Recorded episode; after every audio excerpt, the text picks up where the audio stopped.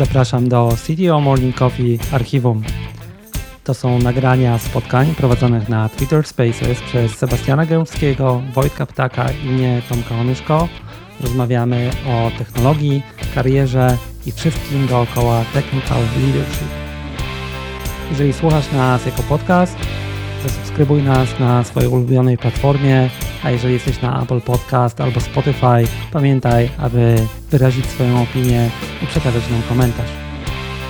Te nagrania są niecenzurowane, nieedytowane, prezentujemy Ci je tak, jak zostały nagrane. Możesz ten znaleźć na www.ctomorning.coffee i zapisać się na powiadomienia o kolejnych spotkaniach. A teraz po prostu zapraszam.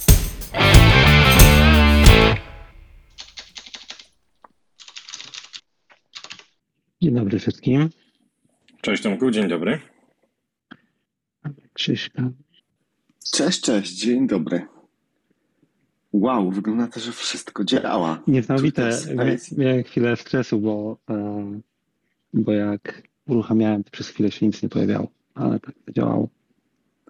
Twitter Space jest jak, jest jak dobra, dobra loteria. A ostatnio tak.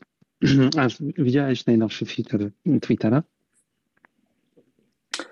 E, ten zwiększenie liczby reklam tak. razy trzy. Nie, ten, że posty Elona są na samym szczycie feedu zawsze I nie muszą być i reklamowane. nie muszą być reklamowane. No, nie, nie każdy CEO, który nie zrobił czegoś takiego, rzuci kamieniem. Przyznaję, że nie jako CEO, ale też podobno jakieś zrobiłem, ale na prośbę CEO, tak. To było dawno temu. Dobrze, mamy Krzyśka. Krzysiek, słyszysz nas? Jesteś, Krzysiek w ogóle widzę, nawet ma e, niebieski znaczek. No, nawet mam. Chyba was słyszę, wy mnie słyszycie? Tak, bardzo dobrze. dobry. Cześć, cześć, bardzo dobrze. Dzień Dobry. E, Cześć Krzyśku. To może chłopaki zacznijcie e, typowe wprowadzenie. Ja jeszcze tylko ogłoszę nas na social mediach i lecimy. Sebastian, zaczynasz? Jasne, czemu nie? No więc tak, witamy wszystkich.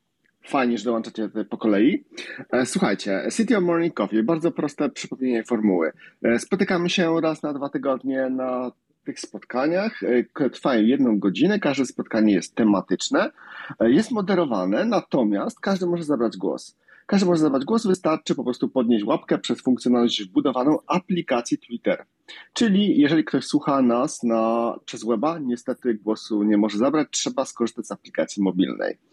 E, My moderujemy, dbając o to, abyśmy wszyscy trzymali się tego założonego tematu. Ważne jest, żebyśmy w tej dyskusji nie przekroczyli pewnych zdroworozsądkowych granic, czyli rozmawiamy mm, no, ogólnie szanując siebie wzajemnie, bez jakichś indywidualnych wycieczek po firmach, nazwach, ludziach. Jeżeli krytykujemy, to krytykujemy postawy, zachowania, nie ludzi czy jakieś instytucje. Z takich rzeczy zupełnie naj, najistotniejszych. Jeżeli ktoś em, chciałby przesłuchać sobie archiwum naszych odcinków, to na Twitterze są dostępne ostatnie z nich. Nie wszystkie, ale ostatnie są. Natomiast oprócz tego publikujemy stopniowo y, w postaci podcastu y, odcinki historyczne od takich najbardziej e, najdawniejszych dziejów, więc wystarczy wejść na citymorning.coffee, tam znajdziecie wszystkie linki, tam znajdziecie możliwość zapisania się na powiadomienia y, i to chyba najważniejsze punkty. Wojtku, zapomniałem o czymś?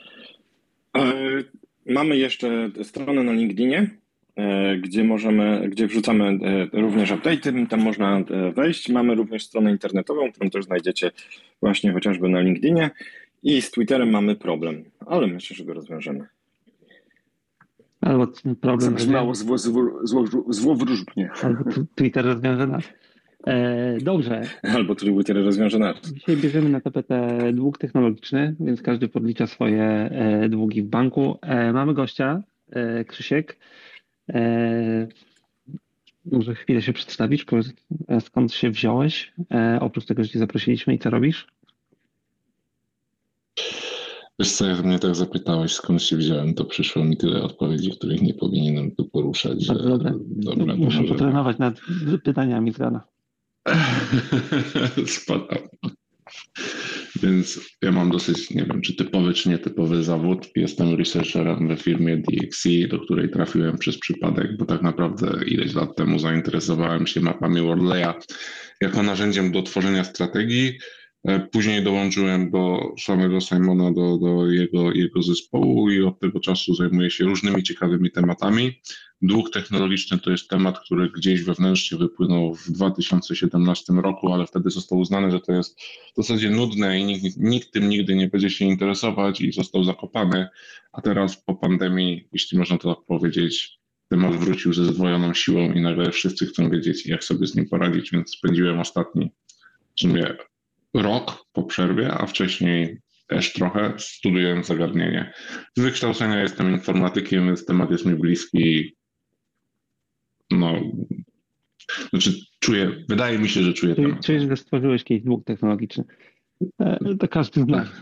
No dobra, no to zaczynamy. E, Sebastian, od czego? Myślę, że to dobrze jest zacząć od no, pewnego rodzaju podstaw, bo wprawdzie my nie będziemy tutaj rozmawiać z perspektywy zwykłego inżyniera, czyli nie będziemy rozmawiać o tym, jak aktualizować pakiety na NPM-ie, e, albo co to znaczy clean code, jaki to ma wpływ na dług techniczny, tylko będziemy patrzeć na z perspektywy bardziej zarządczej. Natomiast mimo wszystko chyba dobrze zacząć od definicji. Krzyk, jak ty byś zdefiniował dług technologiczny i czy to, tak jak, jak już zdefiniujesz, to czy to jest dla ciebie pojęcie jednorodne, czy wyróżniłbyś w nim jakieś typy, grupy, pomiędzy którymi są poważne różnice? Wiesz co, Wikipedia ma, ja nie pamiętam słowo słowo definicji tej wikipedycznej, ale ona jest dosyć dobra i tak w dużym uproszczeniu to jest po prostu bierzemy krótkoterminowe benefity za długoterminową zdolność do, do adaptacji, czyli w przyszłości będzie nam trudniej coś zmienić, E, a teraz po prostu zrobimy coś taniej albo szybciej. I to jest dosyć dobra definicja. Ja się z nią zgadzam. Jedno, co bym usunął z tej definicji, to jest ograniczenie do software'u, bo ten mechanizm długu technologicznego, on działa w zasadzie we wszystkich innych branżach, znaczy we wszystkich innych aspektach firmy, jeśli chodzi o procesy, maszyny, inwestycje, projekty. Wszędzie to działa w ten sam sposób i dotyczy po prostu innych, innych grup ludzi. Natomiast kluczowym elementem, znaczy kluczowym podziałem długu technologicznego z mojego punktu widzenia jest dług technologiczny, który jeszcze kontrolujesz, o którym jeszcze wiesz wystarczająco dużo, żeby go usunąć i dług technologiczny, o którym już zapomniałeś, jak go usunąć jako powiedzmy osoba, która zarządza we firmie, czyli systemy 20, 30, 40-letnie, gdzie pracownicy wymienili się już z pięć razy i tak naprawdę nikt nie wie, co ten system robi, dlaczego działa i dlaczego tak został zaprojektowany. No, w zasadzie tak. Dwie główne kategorie. Jedną, można jeszcze usunąć, a druga to jest po prostu strasznie ciekawa, e, strasznie ciekawa zagwozdka dla ludzi, którzy są za to odpowiedzialni. Mhm. I to, co powiedziałeś, to y, generalnie bardzo przystaje też do mojej definicji, natomiast to po prostu brzmi jak cena podejmowania pewnych decyzji. Każda decyzja jest trade-offem. Nie jesteśmy, nie powinniśmy być perfekcjonistami. To nie jest do końca zdrowe, albo w ogóle nie jest zdrowe. I teraz y, w związku z tym, jeżeli to jest po prostu cena podejmowania decyzji, to dlaczego ten temat jest taki nośny? Dlaczego tyle się o nim rozmawia i dlaczego on się tak często pojawia jako pewnego rodzaju wymówka, excuse w różnych inżynierskich rozmowach? No to tutaj dotykamy ciekawych, e, ciekawych aspektów. Przepraszam cię, Krzyśko. Spoko. Proszę. Mhm. Nie, nie.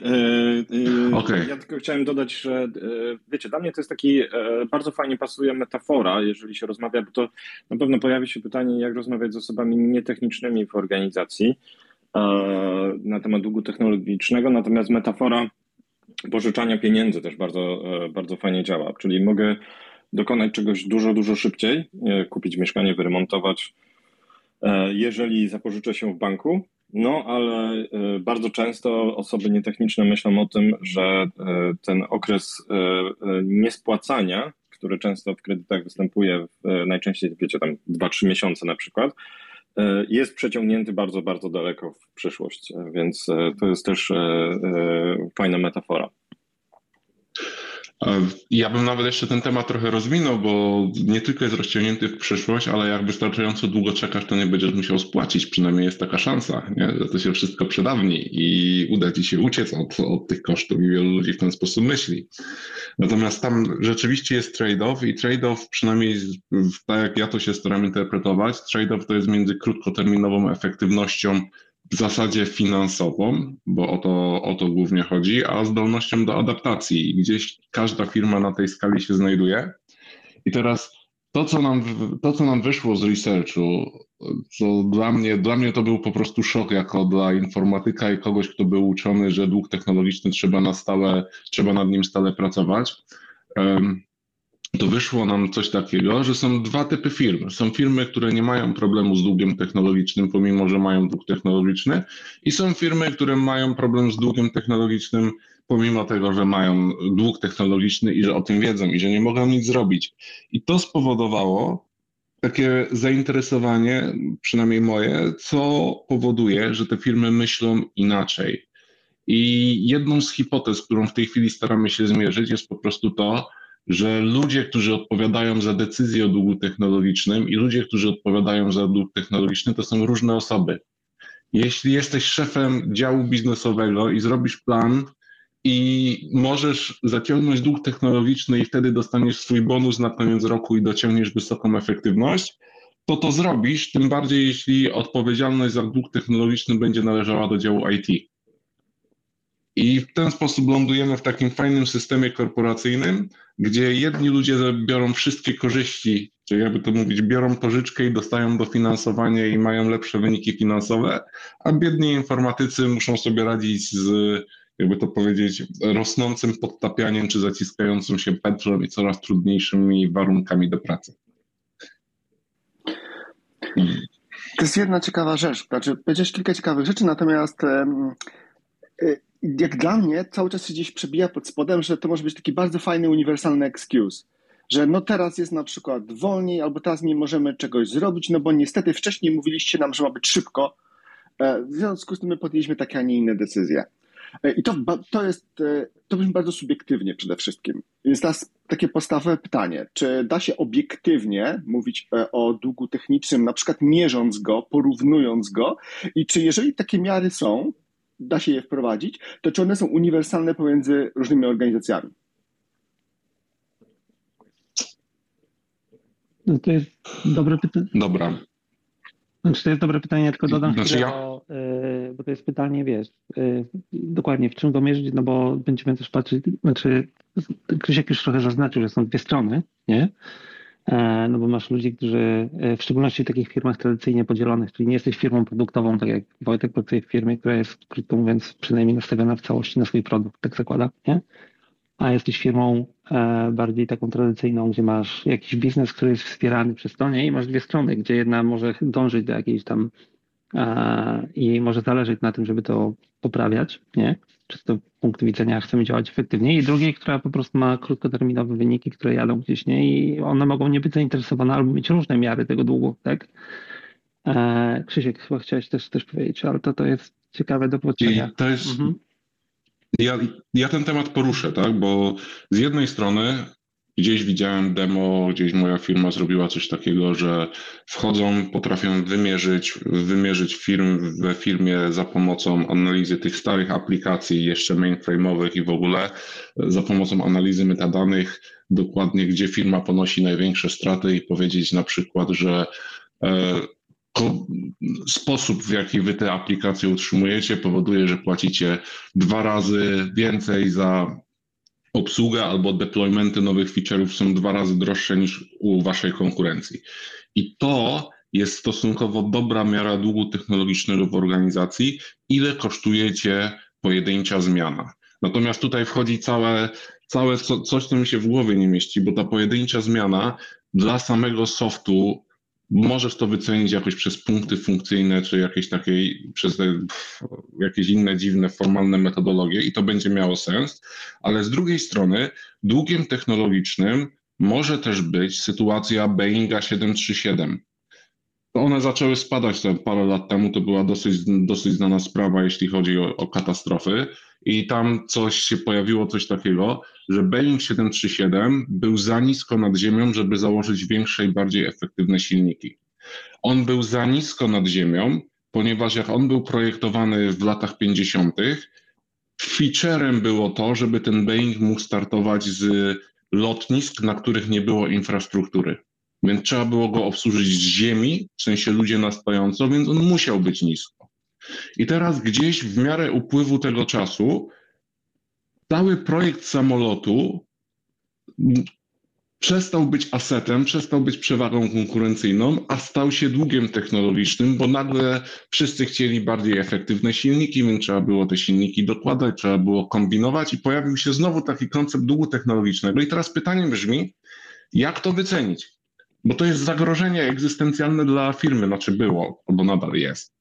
Nie? To nie jest coś, co możesz porównać między dwoma firmami, bo nagle twój podstawowy produkt, coś, co sprzedajesz, e, wiesz, no, zestarzało się jak chcesz to zmienić, to musisz nie tylko, wiesz, przeprojektować samolot, ale wyedukować wszystkich pilotów, którzy z tego samolotu korzystali, wszystkich kontrolerów i to jest w zasadzie coś, co jest niemal niewykonalne.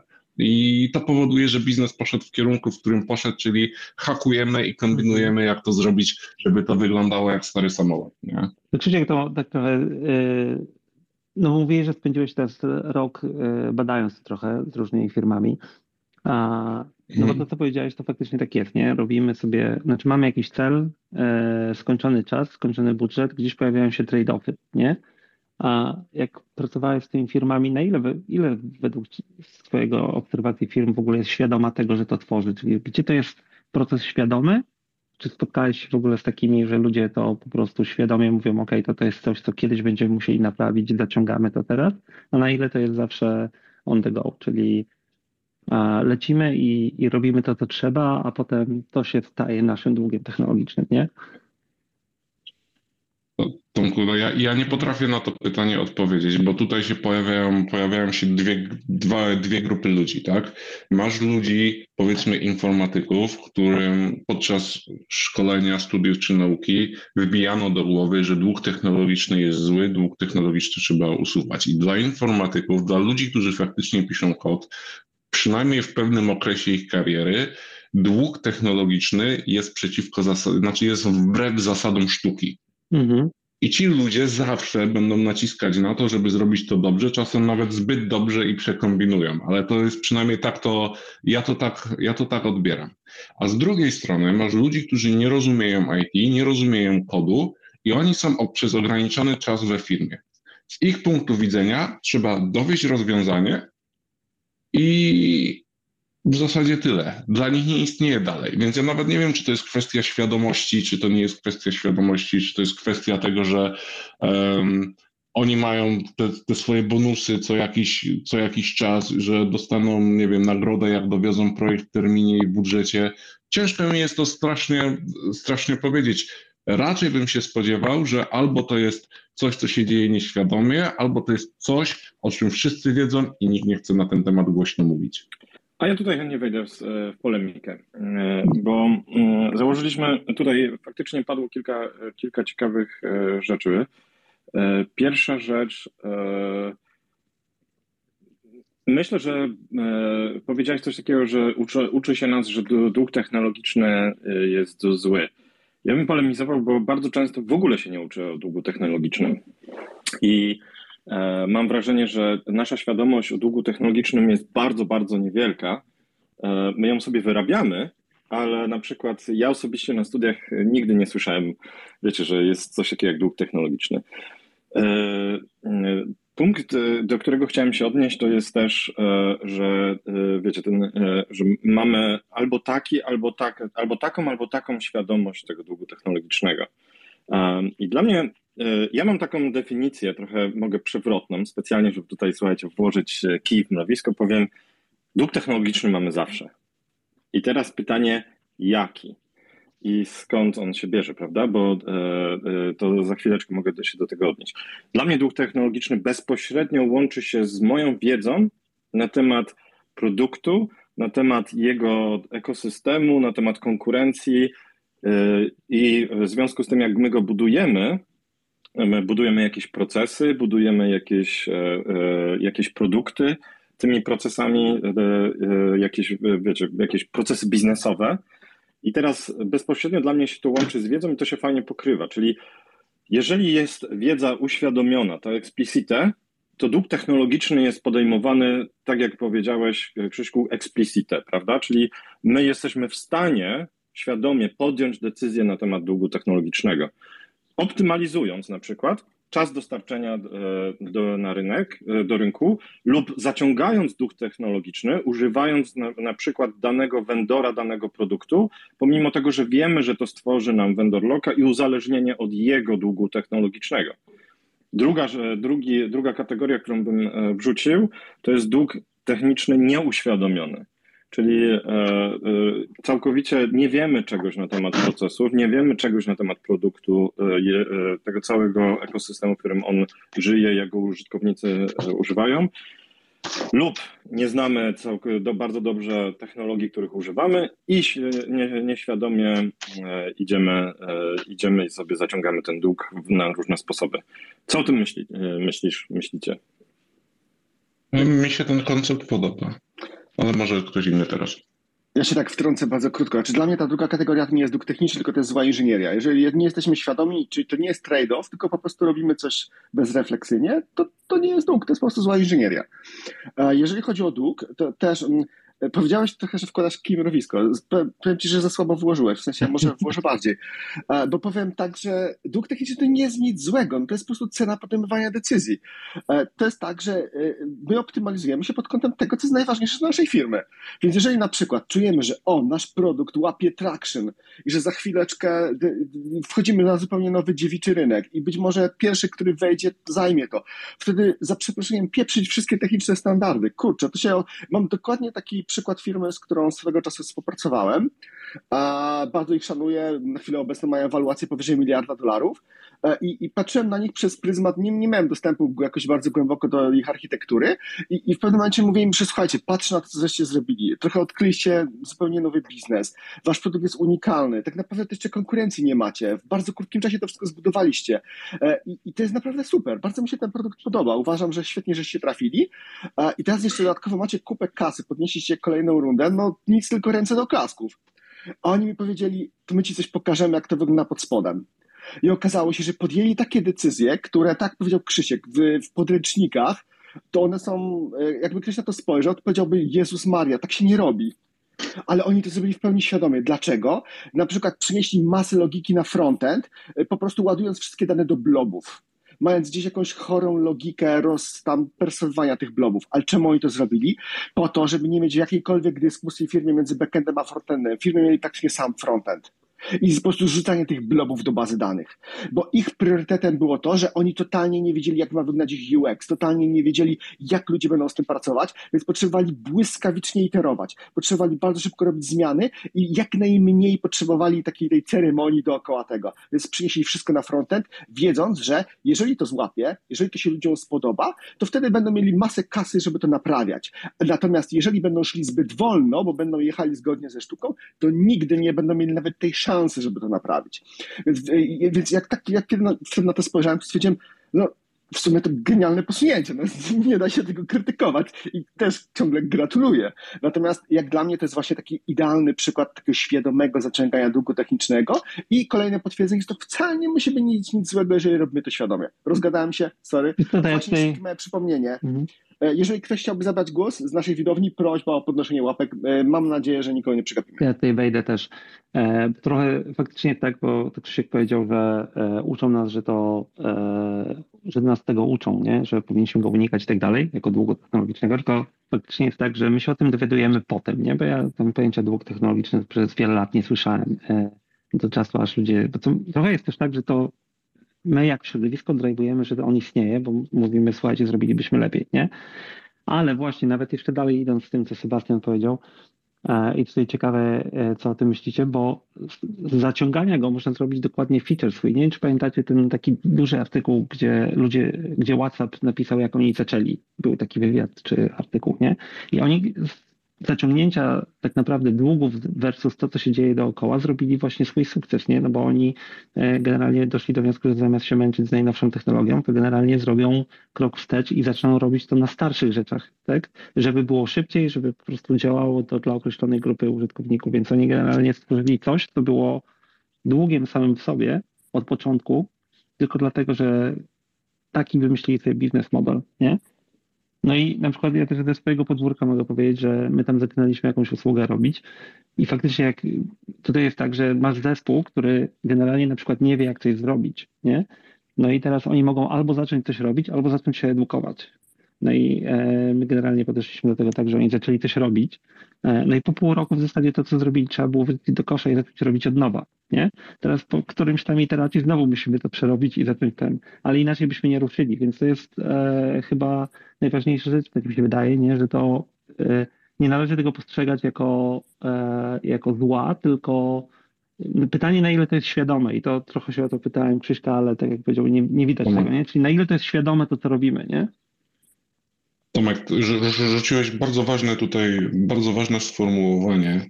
Teraz zanim, zanim, zanim mi ucieknie, bo tak, ci, którzy, dobra, ja posługuję się często taką grafiką, gdzie po jednej stronie jest krótkoterminowa efektywność, po drugiej stronie jest zdolność do reagowania na zmiany.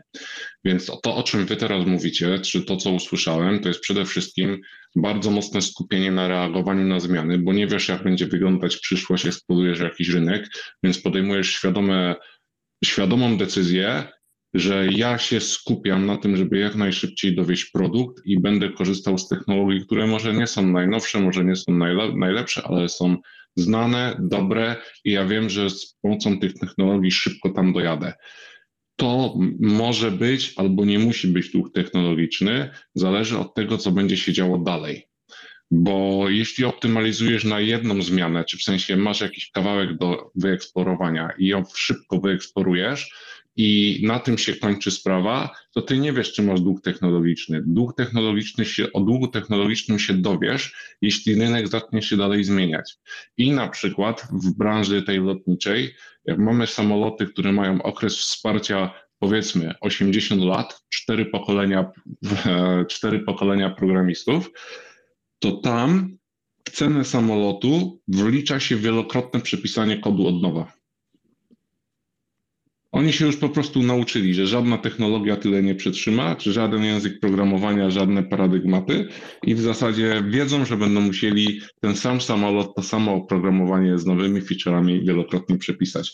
I to jest pewnie jedna rzecz, która tutaj, ja bym dopowiedział do tego, co Sebastian i ty Tomie mówiliście, jak zrobisz szybkie rozpoznanie rynku, masz jakąś platformę, która działa, super, super osiągnięte ceny i, i sukces finansowy. Pytanie brzmi, czy jesteś przygotowany na dalsze adaptacje do otoczenia? Bo jak jesteś, nie ma problemu. Jak nie jesteś, to masz dług technologiczny. Czy są finanse zabezpieczone? No i to jest ciekawe pytanie. Kto spotkał się z tym, że ktoś tak właśnie e, planuje? Sebastian Wojtek? Wiesz co, y, to mm, nawet, to ja się całkowicie zgadzam z tym sformułowaniem, bardzo mi się to spodobało y, odnośnie tego planowania już jakiegoś przyszłego przypisywania. Nie wiem, czy kojarzycie książkę Willa Larsona, e, Elegant Puzzle. Tam jest taki bardzo mało wyróżniający się właśnie kawałek. Ten kawałek dotyczy rewrite'ów. I, I, kiedy po raz pierwszy na to spojrzałem, zacząłem czytać tą książkę parę lat temu, to mnie to striggerowało. Jakie rewrite? Bo mnie się rewrite kojarzą z tym, że jest sobie rzeczywiście jakiś tam stary moloch korporacyjny e, i w pewnym momencie dochodzą do takiego etapu, że patrzą na jakiś swój wielki, pewnie monolityczny system i stwierdzają, co to za w ogóle tragedia. Musimy to teraz przepisać od zera. No i odpalają projekt, który trwa 5 lat, w ramach którego powstaje coś gorszego i jakieś wszystkie idealistyczne wizje się rozpadają i tak dalej. Więc sobie myślałem, że że ten Larson to przychodzi tam z Uberów, nie Uberów, to co oni też robią tego typu rzeczy. Natomiast e, on, on to potem opisuje i właśnie rewrite to jest e, cofając się o dwa kroki wstecz, takie projektowanie oprogramowania, żeby dało się je cząstkowo przepisywać. To jest ten efekt tam łodzi Tezeusza, czyli programowanie składa się z części, które możemy przepisać i potem tak naprawdę okazuje się, że nie ma już żadnej oryginalnej części. Każda z tych części tego oprogramowania ma jakąś swoją datę przydatności do spożycia, czyli jest założenie, że na przykład w ciągu tylu a tylu lat albo przy przekroczeniu takiego, a nie innego warunku, czyli na przykład skali, że coś piszemy na skalę na przykład na chwilę obecną, ewentualnie o dwa rzędy w górę, a jeżeli to przekroczymy, to już musimy przepisać.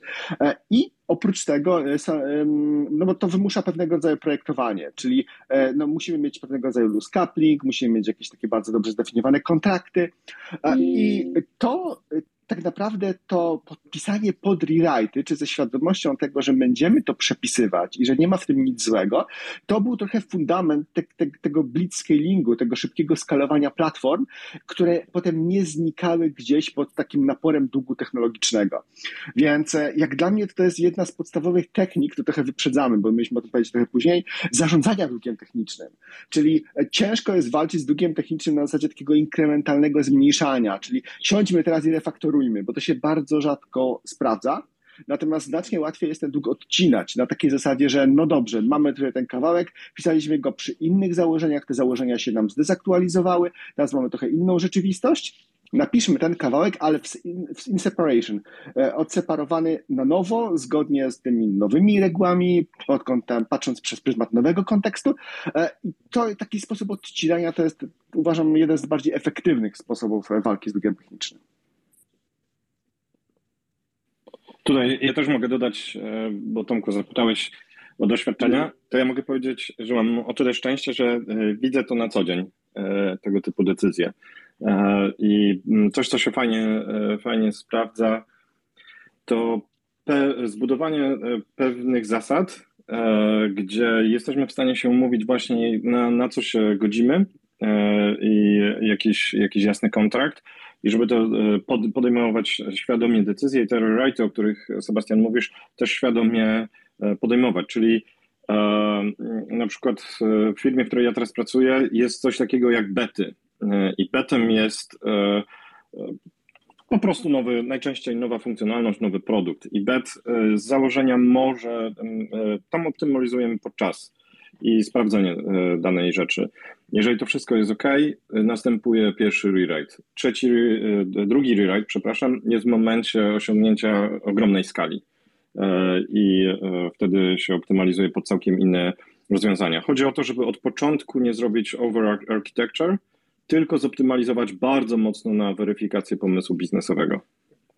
Ale to jest przykład organizacji, której wiesz, ruszasz się szybciej, nie? Albo właśnie robisz te eksperymenty. Problem zaczyna się wtedy, jak masz organizację, która e, i, i a tak szczerze mówiąc, to wiecie, chyba większość firm wpadnie w ten bucket, nie? Organizacja, która nie działa w ten sposób, no bo jak ja myślę o, e, my teraz mamy trochę inne doświadczenia, znaczy w tej chwili przynajmniej, ale wiesz, jak ja myślę o firmach enterprise, nie? To tam organizacje, które mogą działać w ten sposób, tak jak powiedziałeś, to jest mało. Szczerze to chyba nie spotkałem, nie? A z drugiej strony, y, jak popatrzysz, to wiele organizacji enterprise y, udaje się z coraz większym sukcesem przejść w taki model. Bo na przykład, jeżeli byśmy zobaczyli to, co ostatnio y, robi Microsoft, to jest dokładnie to. Czyli wiesz, bardzo już potężna firma, która, której udało się zmienić core myślenia takiego biznesowego i faktycznie wejść wiesz, w tą kulturę tego. Jak mówimy, nie Natomiast to jest pewnie całkiem inny odcinek. To, to oni musieli wyoutsourcować innovation do innej firmy. To OpenAI było tak naprawdę źródłem tej informacji. Natomiast jak to wpłynęło na samą kulturę Microsoftu i czy Microsoft ma z tym wiele wspólnego, to dopiero się przekonamy. No wiesz, tam jest dużo więcej produktów, e, GitHub chociażby i wszystkie narzędzia deweloperskie. Natomiast e, słuchajcie, ja mam, żeby wrócić, bo to e, całkiem inny odcinek, ja mam do was pytanie, pytanie może trochę przewrotne. Krzyśku, z twojej perspektywy i doświadczenia, czy da się budować produkty bez długu technologicznego? Czy to ma sens? I kiedy, jeżeli tak, to kiedy w ogóle coś takiego robić?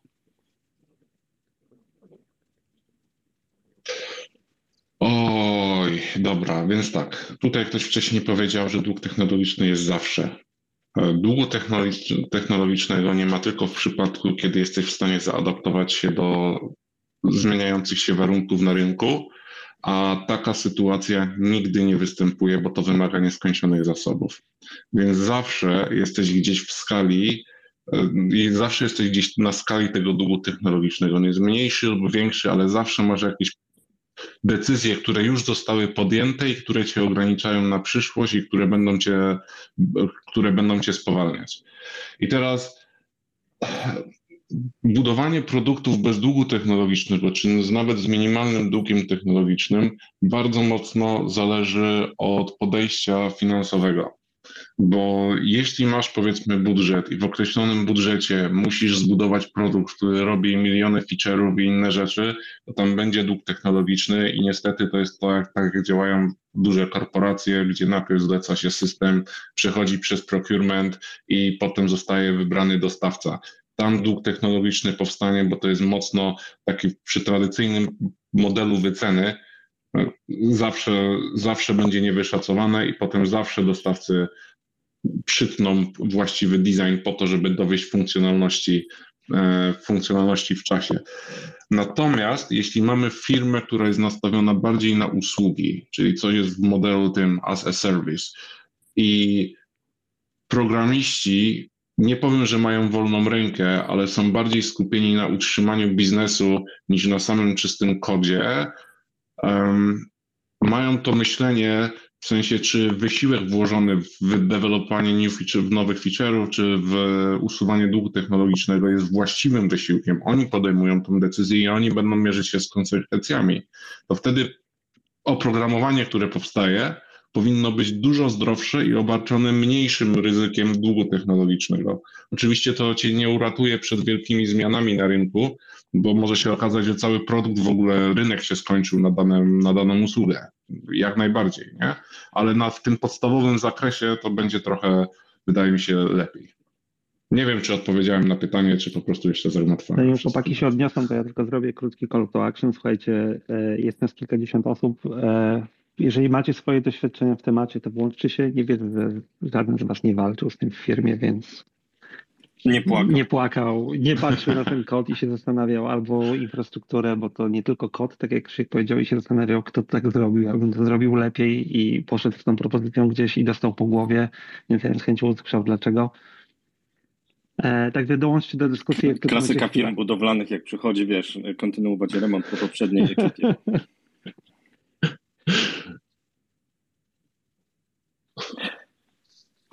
no właśnie, yy, Sebastian, może Twój punkt widzenia yy, na temat takiego czystego bardzo budowania.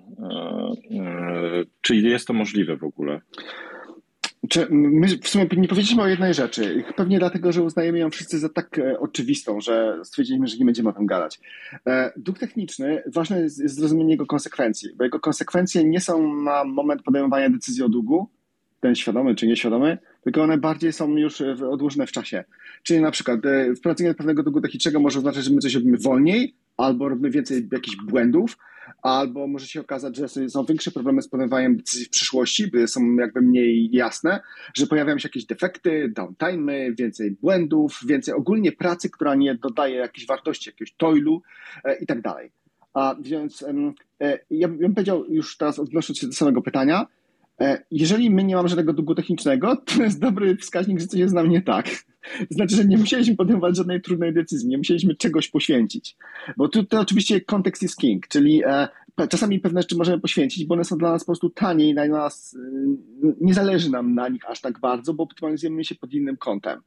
E, jeżeli nie mamy żadnego długu, to znaczy, że być może y, za bardzo stawiamy na perfekcjonizm i skupiamy się na tak zwanym sukcesie technicznym, a nie na sukcesie biznesowym. Więc jak dla mnie, jeszcze raz podkreślę, w ogóle był taki fajny trend swego czasu gdzieś tam w mediach społecznościowych, właśnie, że dług techniczny jest złego rodzaju abstrakcją, nie używajmy jej, że to jest po prostu cena podejmowania decyzji. Więc jeżeli my nigdzie tej ceny nie pokazujemy, nie uwzględniamy i jej też nie widać, to jak my tę decyzję podejmujemy? Widzę, że dołączył do nas Tomek. Tak. Cześć wszystkim. E, tak się przysłuchuję i faktycznie e, sam powiem ze swojej perspektywy o długu technologicznym dowiedziałem się dopiero po pięciu latach programowania, jak mi program SonarCube powiedział, że coś takiego istnieje. E, I wtedy zacząłem się dowiadywać, co to jest i jak. I tak naprawdę, no, po już po, tym, po tych doświadczeniach, co mam, no to chyba wszyscy muszą żyć z długiem, bo nie wyobrażam sobie właśnie firmy, gdzie nie ma długu. E, chociażby dlatego, że dobra, skupiamy się na kodzie. Fajnie. E, staramy się, żeby on był jak e, najmniej pozbawiony właśnie długu. Może się nawet udać.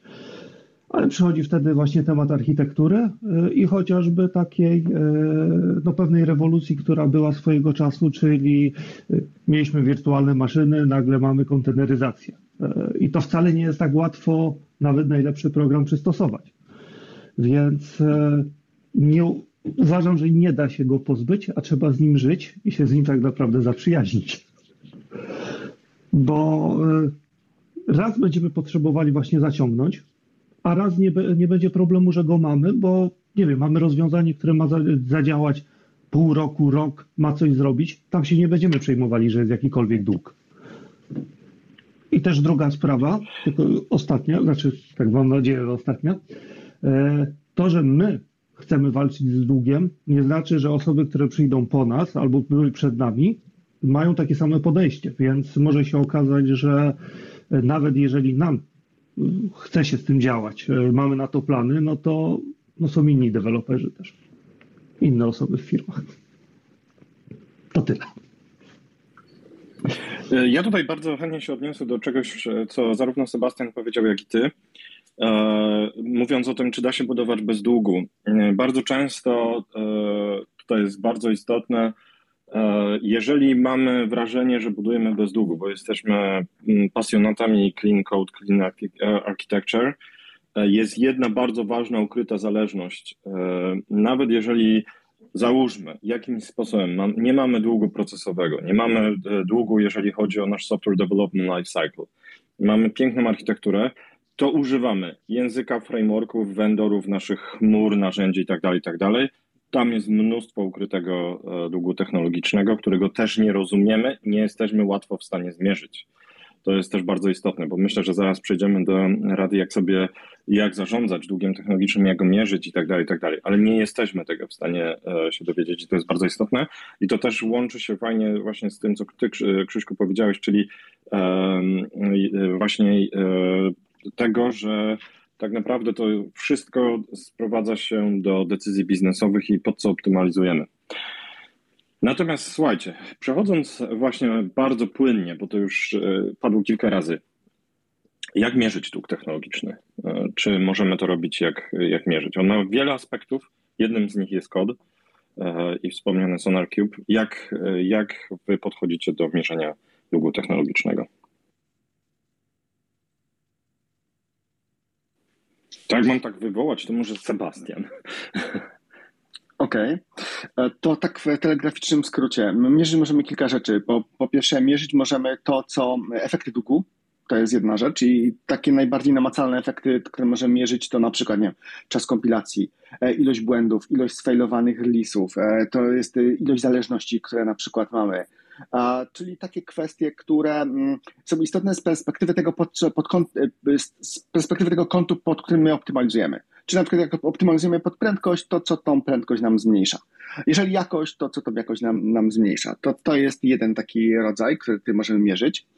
E, kolejna rzecz, którą e, możemy próbować mierzyć, jeżeli chodzi o dług technologiczny, to są jakieś negatywne zjawiska, które w tym, w tym długu mamy. Czyli przykładowo, nie wiem, czy kojarzycie taki koncept jak lava flow effect. Lava Flow Effect to jest e, koncept, w którym mamy jakąś architekturę i w pewnym momencie ta architektura rozwiązania nam się nie podoba, Przychodzi mądry deweloper i mówi, że to mam pomysł na lepszą, zaczyna ją wprowadzać, robi to jakoś eksperymentalnie, zdąży zrobić to w jednej trzeciej, a potem albo się zniechęci, albo zmieni firmę, albo zmienią się priorytety i zostajemy z dwiema architekturami, starą i nową. No więc tak, y, przypomina to trochę to, jak lawa wypływa z wulkanu, czyli płynie sobie takimi zygzakami.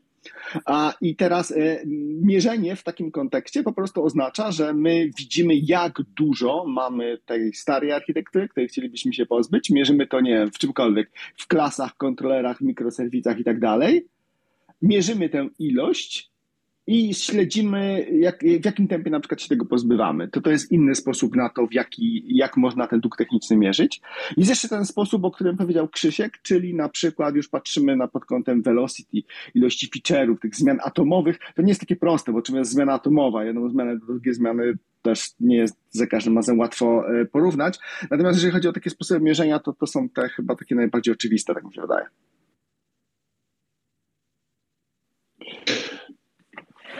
I ja mogę zaproponować jeszcze jeden sposób, ale to w sumie teraz dopiero jak się zastanowiłem, to mi to, to, to do mnie to dotarło, bo ja się tym długiem technologicznym zajmuję, ale jak padło pytanie, jak wy to mierzycie, to dotarło do mnie, że ja tego po prostu nie robię. Albo inaczej, jest bardzo nieoczy, nieoczywista oczywista miara, tylko nieświadoma i nigdy nie myślałem, że to jest miara, to jest e, poziom bólu dla CIO i CTO.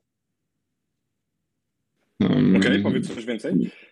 Bo czasami się zdarza, znaczy tak, ja pracuję Pracuję dla firmy, która owszem ma jakiś tam dział wytwarzania oprogramowania i w ogóle, ale ja jestem bardziej na styku rozmów z klientami i często pada właśnie pytanie, co dla danego klienta można zrobić, co jest dla, dla niego największym wyzwaniem i w ogóle.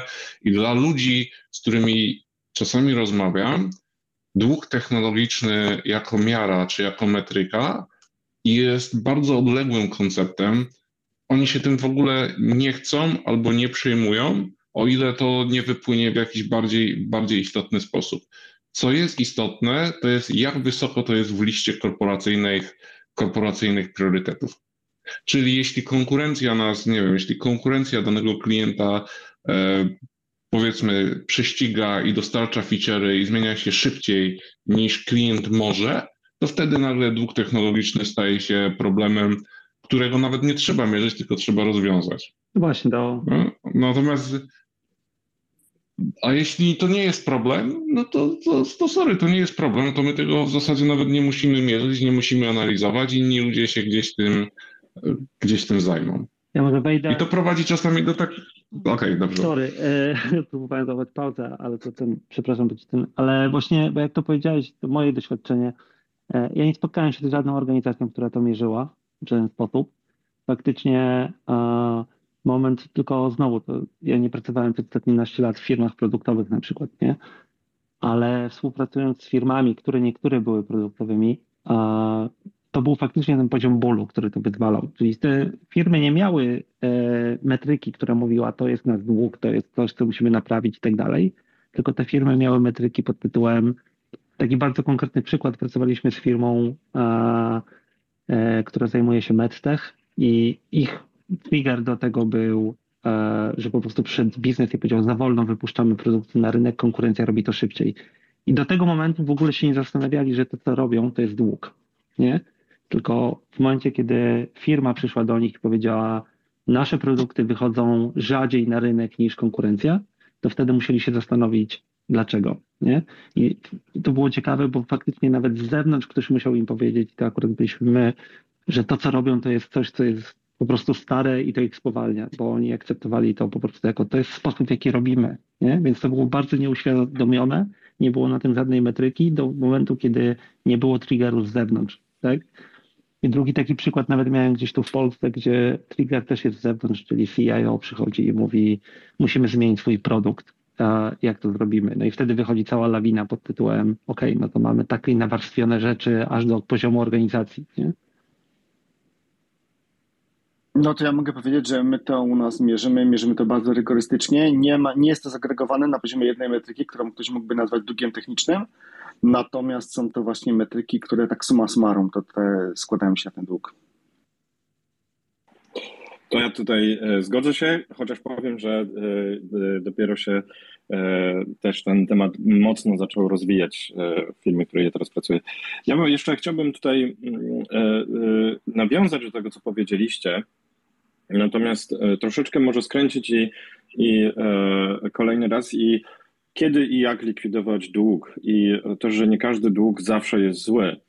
E, na przykład jedna z heurystyk, która myślę, że jest bardzo dobra, to jest, jeżeli już zaczniemy rozumieć nasz dług technologiczny, jakkolwiek to zrobimy, dobrze jest też zrozumieć nasz produkt i jak on, z czego właściwie się składa. Tutaj z bardzo fajną pomocą może nam przyjść kilka wzorców strategicznych z DDD e, i mianowicie inaczej będziemy refaktoryzować e, zarówno procesy, jak i e, architektury, jak i kod naszych korowych, korowych części naszego produktu, a całkiem inaczej generyczne czy supportujące, czyli generyczne e, to są skomplikowane problemy, które już zostały rozwiązane, czyli na przykład, wiecie, ten e, mityczny chociażby system fakturujący. Nie musimy pisać własnego, możemy go kupić, zlikwidować, odciąć, tak jak Sebastian mówiłeś, e, grubym cięciem dług technologiczny, kupując gotowy produkt spółki, integrując. Wojtek, połowa, jest ok, w ogóle nie wpływa połowa na, zespołów tworzą, na naszą... Połowa zespołów tworząca faktury naprawdę będziecie przekonywała, że ich problem jest unikalny. Nie, nie, nie. Jeżeli, o, powinienem dodać, jeżeli Moim korowym produktem oczywiście nie jest system fakturujący lub, e, lub system e, rozliczeń jakichś e, fiskalnych. E, więc jeżeli to jest domena faktycznie dla mnie generyczna, to całkiem inaczej do tego podejdę. I teraz jeszcze jedną rzecz chciałem, chciałem dodać ze swojego doświadczenia. Dobrze jest zmierzyć ilość zmian, e, czyli stabilność powiedzmy tego kodu, do ilości bugów, bo jeżeli nawet coś porosło mchem, E, i wiecie, tam wiatr hula. Natomiast tych zmian nie ma, czyli tych, ten kod jest stabilny, nie ma bugów, e, to bardzo często zespół, który przychodzi z prośbą o refaktoryzację, e, robi to, bo się nudzi na przykład, prawda? Natomiast do czego piję? Że wtedy bardzo ważne jest, żeby zrozumieć faktycznie, jakie, jakie, jak, co i kiedy refaktoryzować, jak likwidować ten dług technologiczny. No i oczywiście wtedy mamy sytuację, czy ten, jak często mamy zmiany, zrobić sobie taki kwadrant, jak często, ile mamy bugów do tego, czyli jak jest ta, e, e, ile mamy defektów i wyjdą nam bardzo ładnie priorytety do refaktoryzacji ze względu na typ tego, e, jakim, o jakim części naszego produktu mówimy, możemy podjąć właściwe decyzje. Jak wy to, do tego podchodzicie? Ja mam taką myśl trochę też, tak jak Krzyk powiedział, że przyszło mi w trakcie tej rozmowy, E, trochę też zainspirowana tym artykułem, który ostatnio Sebastian się podzielił o opisaniu strategii inżynieringu, nie? Bo też e, bo jest kwestia tego, że my ten dług wprowadzamy nawet, bo dług przeważnie kojarzy się z czymś starym, coś co było i tak dalej, nie? I tak przyszła mi taka myśl do głowy, że my tak naprawdę wprowadzamy dużo tego przez y, próbowanie rzeczy nowych i wkładanie ich na produkcję na przykład, nie? Czyli wiesz, e, ktoś wpada na pomysł, wyprodukuje jakiś nowy, e, jakiś nowy framework, przetestuje go i zrobi produkt i to idzie. E, I to tworzy różnego rodzaju rzeczy, więc na przykład jedną z takich rzeczy, które jest zdefiniowanie, jak pracujemy, nie? I e, taki indykator, który wydaje mi się byłby sensowny, ale to jest tylko pomysł, to jest patrzenie na to, ile mamy requestów po to, żeby to zmienić, nie? No bo jeżeli wiesz, mamy jakieś założenia, jak pracujemy, i jest pytanie, ile nowych rzeczy nam wchodzi, które się z tym nie zgadzają, bo wtedy to jest albo coś już nam odstaje od tego, co robimy, nie? Czyli ludzie chcą robić inaczej z jakiegoś powodu, a my i to nie jest zgodne z tym, jak działamy, więc albo te nowe requesty są złe, albo to, co mamy, staje się naszym legacy, nie? E, albo to pozwala nam to ograniczyć, bo e, mówimy, OK, robimy mniej na nowych rzeczach, ale za to nie tworzymy sobie e, takiego graveyard rzeczy niesprawdzonych. Nie? To taka myśl trochę z boku. Ja mam jeszcze szybki trend odnośnie rozwiązywania. Ja widzę takie trzy podstawowe ścieżki i te różne inne się bardzo często mieszczą w ramach tych. Więc pierwsza ścieżka to jest taka ścieżka typowo managementowa, czyli właśnie nasz główny effort na początku to jest, żeby zmierzyć. Bo wszystko, co zmierzymy, możemy tym zarządzić. Potem już jesteśmy w stanie śledzić trend, jesteśmy w stanie śledzić w czasie, widzimy, jakie są tego efekty i nawet eksperymentalnie możemy podejmować różnych kroków i wtedy widzimy, czy coś się z tym dzieje, czy nie. Oczywiście to jest pytanie, czy to dobrze mierzymy, czy nie, ale no to też jest kwestia coś, co trzeba sobie wypracować. Więc to jest pierwsza ścieżka. Druga ścieżka nazwałbym ścieżką podatkową i ona jest uskuteczniana w wielu organizacjach i ścieżka podatkowa polega na tym, że sobie uzgadniamy, czyli na przykład, nie wiem, 20% naszych story pointów, czy tam w czym się mierzymy, jakiejś miary velocity, idzie na przykład na walkę z długiem technicznym. No i to jest taka ścieżka, która często jest pułapką, no bo te, ten, te punkty, czy tam ten czas jest często przepalany na taki tak zwany pseudo-refactoring, czyli nie wiem, bawimy się, żeby kod był czystszy, nienawidzę tego określenia, czysty kod, czy piękniejszy, czy whatever. Więc tutaj tak czy siak trzeba wprowadzić pewnego rodzaju reżim. A jest jeszcze ta trzecia ścieżka. Ta trzecia ścieżka jest najbardziej radykalna i czasami wychodzi w jakichś takich mega popularnych postach na tam LinkedInach i tak dalej, gdzie firmy przyjmują sobie jakiś bardzo konkretny framework do tego, który czasami jest bardzo radykalny, kontrowersyjny, no i teraz czasami to działa, czasami nie. No takim przykładem jest e, e, słynny swego czasu immutable code, czyli po prostu jak piszemy, to szatkujemy to na takie mikroserwisy, mikrofunkcje, mikro coś tam, ale piszemy je już tylko raz czyli potem za każdym razem, jak mamy ją zmienić, to de facto piszemy ją od nowa. I to jest taki sposób, gdzie mamy ciągłe te resety tego długu i ciągle pozbywamy się jakichś takich starych zależności. No wtedy też zakładamy, no okej, okay, to jest w pewnego rodzaju specyficznych firmach to może zadziałać, to jest jeden z przykładów, podejście radykalne i ono ma szansę zadziałać tylko i wyłącznie wtedy, jeżeli się go trzymamy wręcz religijnie, czyli nie też tutaj nie, nie, nie mamy żadnych e, kompromisów. Więc taki, jeżeli chodzi o takie trzy ścieżki podejścia do długu, to, to, to ja bym wyróżnił takie. Czy się spotkałeś się może z czymś innym, oprócz tego, co mówimy? Z tym, gdzie rozmawiałeś z firmami? Znaczy tak, wśród ludzi, z którymi rozmawiałem, e, to tak jak wcześniej, e, tak jak wcześniej wspomniałem, że to jest po prostu poziom próg bólu i jeśli ten, z mojego punktu widzenia, jeśli ten próg bólu będzie wystarczająco mocny dla organizacji, wówczas w organizacji formuje się, jakby to powiedzieć, taka, nie wiem, grupa ludzi, czy taki punkt widzenia, że dług technologiczny trzeba usunąć, że trzeba zainwestować i przydzielić wystarczający budżet, żeby w końcu zrobić rzeczy trochę lepiej niż być powinny, niż, niż były zrobione. I w związku z tym po prostu wszystko, wszystko zaczyna się toczyć szczegółów na niższym poziomie, znaczy na, na poziomie bardziej technicznym, to nie jestem po prostu, nie jestem w stanie powiedzieć, jak to się dzieje. Domyślam się, że wtedy są wszystkie te techniki w jakimś, w jakimś zakresie stosowane. No, mój punkt, moje skupienie jest właśnie na tym, jak tych ludzi przekonać do tego, żeby w ogóle zająć się tematem długu technologicznego, albo jeśli chcą się zająć, jak pomóc organizacji to znaczy podejść, podejść do tego tematu, bo był to temat zaniedbany przez poprzednie lata. To Krzyszku, bardzo fajnie nawiązałeś do ostatniego pytania, które aż mi się ciśnie na, na usta. E, jesteśmy osobami, e, e, inżynierami, osobami technicznymi. Musimy na co dzień negocjować e, naszą pracę z osobami nietechnicznymi. E, jak rozmawiać o tym długu? Jak rozmawiać z osobami nietechnicznymi z Twojego doświadczenia?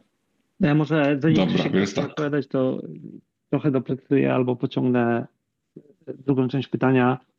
Jak już z nimi rozmawiamy, to dlaczego oni mogą nie chcieć tego rozwiązywać? Dobrze.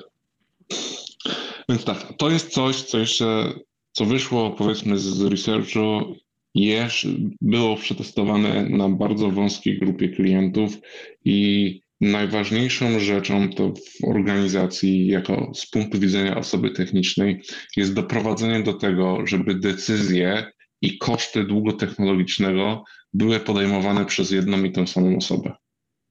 Nie może być takiej sytuacji, że wy jako osoby techniczne dostaniecie budżet, który nie pozwala na zrobienie rzeczy w prawidłowy sposób, nieważne co znaczy prawidłowy, czy zgodnie ze sztuką, czy optymalizacja na zmianę, coś, co widzicie prawidłowe, wy będziecie musieli ponieść, zrobić kompromisy i będziecie w przyszłości cierpieć z powodu długu technologicznego, bo będą wam mówić, że nie dowodzicie na czas albo inne rzeczy, a ktoś inny pokaże, że wyrobił rekordowe zyski, bo akurat w tym roku wszystko się tak spięło. I w przyszłym roku tej osoby już nie będzie. Więc z waszego punktu widzenia, czy z punktu widzenia osoby odpowiedzialnej za technologię, trzeba mówić o konsekwencjach, które będą. I taki przykład Wam podam z firmy, dobra, nazwę nie mogę powiedzieć, ale mieli taką sytuację, że przyszedł dział biznesowy, powiedział, że mają plan na 3 lata i życzą sobie, żeby im z, ustawić chmurę obliczeniową w Amazonie zoptymalizowaną najlepiej jak się da. No wiecie, że jak się optymalizuje chmurę, korzysta się z tych reserve instances i tak dalej, i tak dalej, i tak dalej. I potem biznesowi się okazało, że nie idzie tak dobrze jak trzeba i chcieli zeskalować tą chmurę bardzo mocno w dół. I wyobrażacie sobie, jaki był problem z długiem technologicznym w tej sytuacji, bo zrezygnowali z, no, w sensie podjęli decyzje, jakie podjęli, a dział technologiczny w tamtym czasie nie był w stanie wyedukować klienta na temat konsekwencji decyzji. I skończyło się na tym, że dział technologiczny ponosił konsekwencje, czyli koszty tej chmury, a nie klient czy wewnętrzny klient, który, który się który podjął faktyczną decyzję. Z mojego punktu widzenia doprowadzić do tego, że jedna osoba jest odpowiedzialna i za decyzję o dług technologiczny, i za potencjalne korzyści. Albo w dziale IT, albo tak podnosić wewnętrzne koszty czy wewnętrzne szacunki, żebyście mogli zrobić rzeczy, rzeczy prawidłowo. Oczywiście może to znaczyć, że trzeba będzie zmienić pracę, no właśnie, ale to już jest kwestia wewnętrznych priorytetów, jak bardzo chcemy się dać. Tu trochę wróciliśmy znaczy, do tego, o czym mówił no, Sebastian. No właśnie. Czyli, no bo pytanie, czy najlepszą miarą e, długu nie jest w jakiś sposób przypisanie do niego kosztów i e, no i teraz pytanie, jak go ustalić, ale i ponosi, kogoś, kto ponosi ten koszt, bo według mnie, e, tak patrząc, problem jest z rozmytą odpowiedzialnością albo ownershipem tego, nie? No bo e, pytanie, dlaczego ktoś miałby się tym zająć, jak nie ponosi konsekwencji, tak jak powiedziałeś, w szczególności jeżeli, to wcześniej mówiłeś, jeżeli ma jakieś krótkoterminowe benefity i nie ponosi konsekwencji decyzji pod tytułem zróbmy to tak, bo za rok i tak mnie tu nie będzie, albo ja już będę się zajmował czymś innym, albo odhaczę ten sukces i zostanie to komuś do utrzymania. Nie? A teraz przypisanie do tego kosztu, który ktoś musi ponieść e, i tu pewnie dałoby się, krótko mówiąc, też na przykład wymyślić jakąś funkcję pewnie e, zwiększania tego kosztu w czasie, nie? Czyli jeżeli nie zajmujesz się tym rozwiązaniem i patrzymy na jego utrzymanie i tak dalej, to koszt tego rozwiązania coraz bardziej rośnie, ono obciąża twój budżet, nie? E, no to to by pewnie wymusiło jakiś tam sposób podejścia do tego usystematyzowany. Czy niestety nie, bardzo ciężko jest to mierzyć upfront.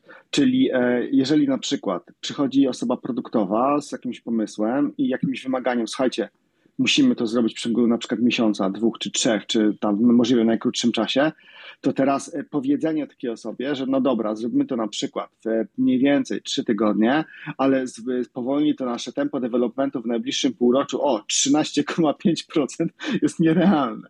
Więc no niestety e, jest to kwestia pewnego zaufania, jest to kwestia pewnego wytłumaczenia na jakichś paralelach, na porównaniach, e, jak dług techniczny wygląda w innych organizacjach, żeby to nie było tak, że my sobie coś wymyślamy, bo tu niestety chodzi o to credibility.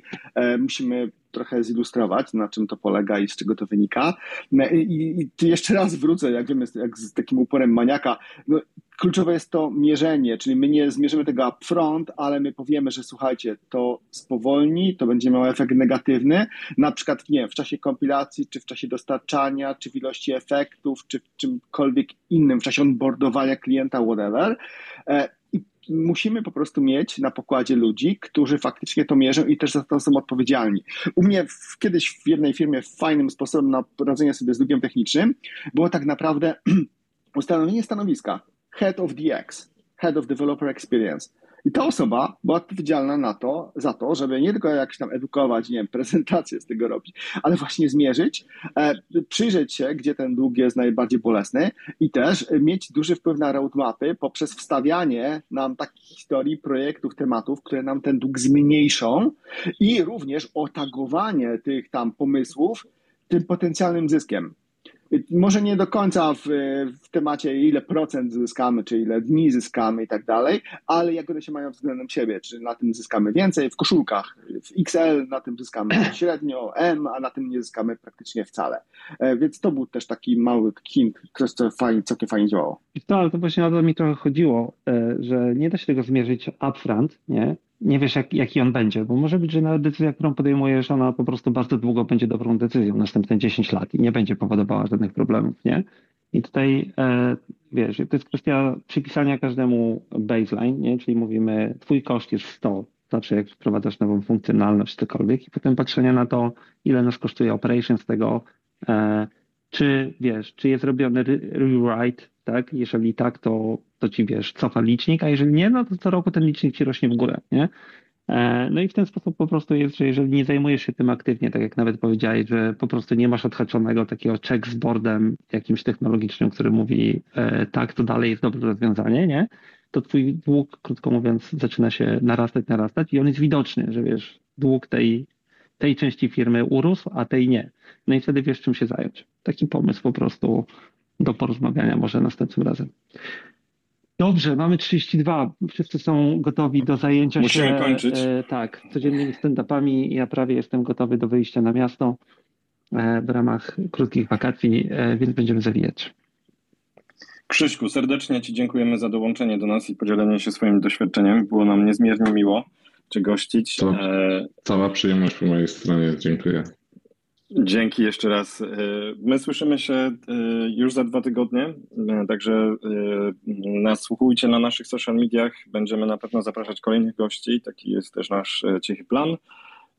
No i nie pozostaje nic, tylko podziękować Wam za dyskusję i życzyć bardzo miłego dnia i udanego weekendu. Trzymajcie się. Wzajemnie. No, na razie.